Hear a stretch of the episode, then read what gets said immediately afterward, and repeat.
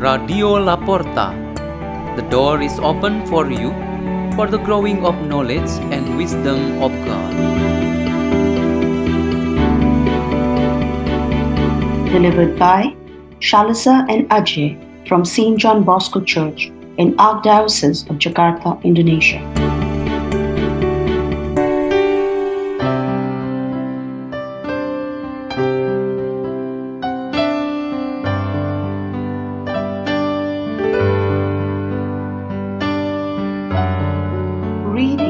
Meditation on the Word of God. Thursday of the 33rd week in Ordinary Time. November 23rd, 2023.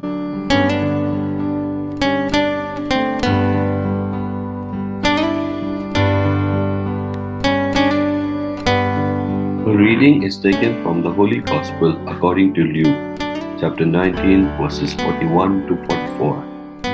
As Jesus drew near Jerusalem, he saw the city and wept over it, saying, If this day you only knew what makes for peace, but now it is hidden from your eyes.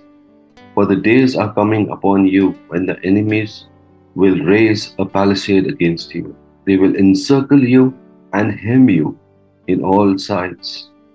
They will smash you to the ground and your children within you, and they will not leave one stone upon another within you, because you did not recognize the time of your visitation.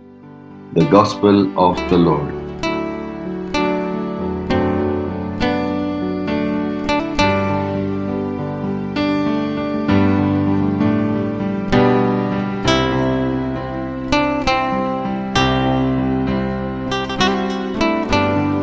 Our meditation today has the theme Cries and Tears of Struggle. The hill currently called Dominus Flevit is not far from where the city of Jerusalem stands, perhaps as far as the bird flies to the next hill.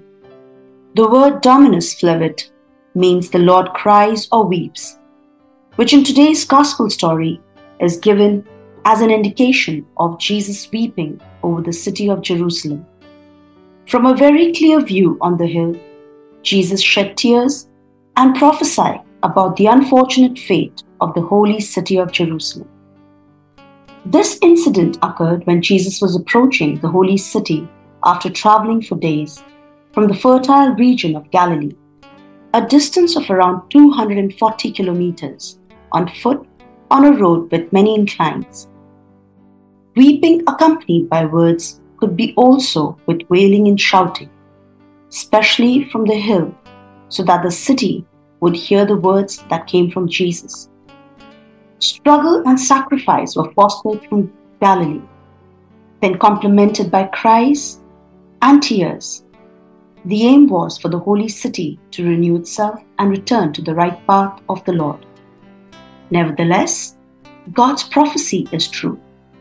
Even though Jerusalem might hear Jesus' shouts and cries, she would still accept her misfortune.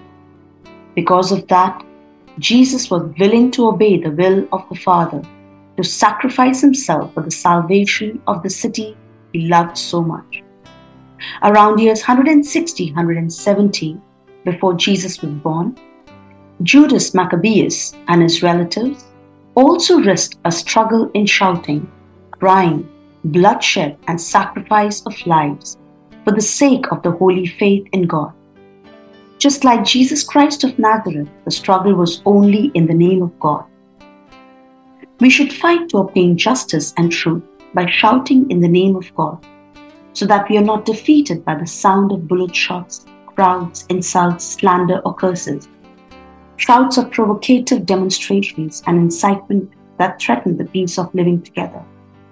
The strengthening of ridicule, bullying, verbal abuse, discriminatory or intolerant, and the voices of conspiracies within power, institutions that intend to commit organized crimes. The struggle to obtain justice and truth with tears in the name of God is also important because the cries and walls of righteous, oppressed, or persecuted are greatly heard by the Lord God in heaven. Jesus added that the angels of the little one still look upon them mercifully from heaven. God will reward those cries and tears, It can be in the form of joyful rewards given. It can also be in the form of upholding justice and truth against hmm. evildoers who have gone against God and His people. Let us pray. In the name of the Father, and of the Son, and of the Holy Spirit. Almighty Father, listen to our complaints, cries, and shouts, because only in you we find definite and true answer. Hail Mary, full of grace, the Lord is with you. Blessed are you among women, and blessed is the fruit of your womb, Jesus. Holy Mary, Mother of God, pray for us sinners, now and at the hour of our death. Amen. In the name of the Father, and of the Son, and of the Holy Spirit. Radio La Porta. The door is open for you.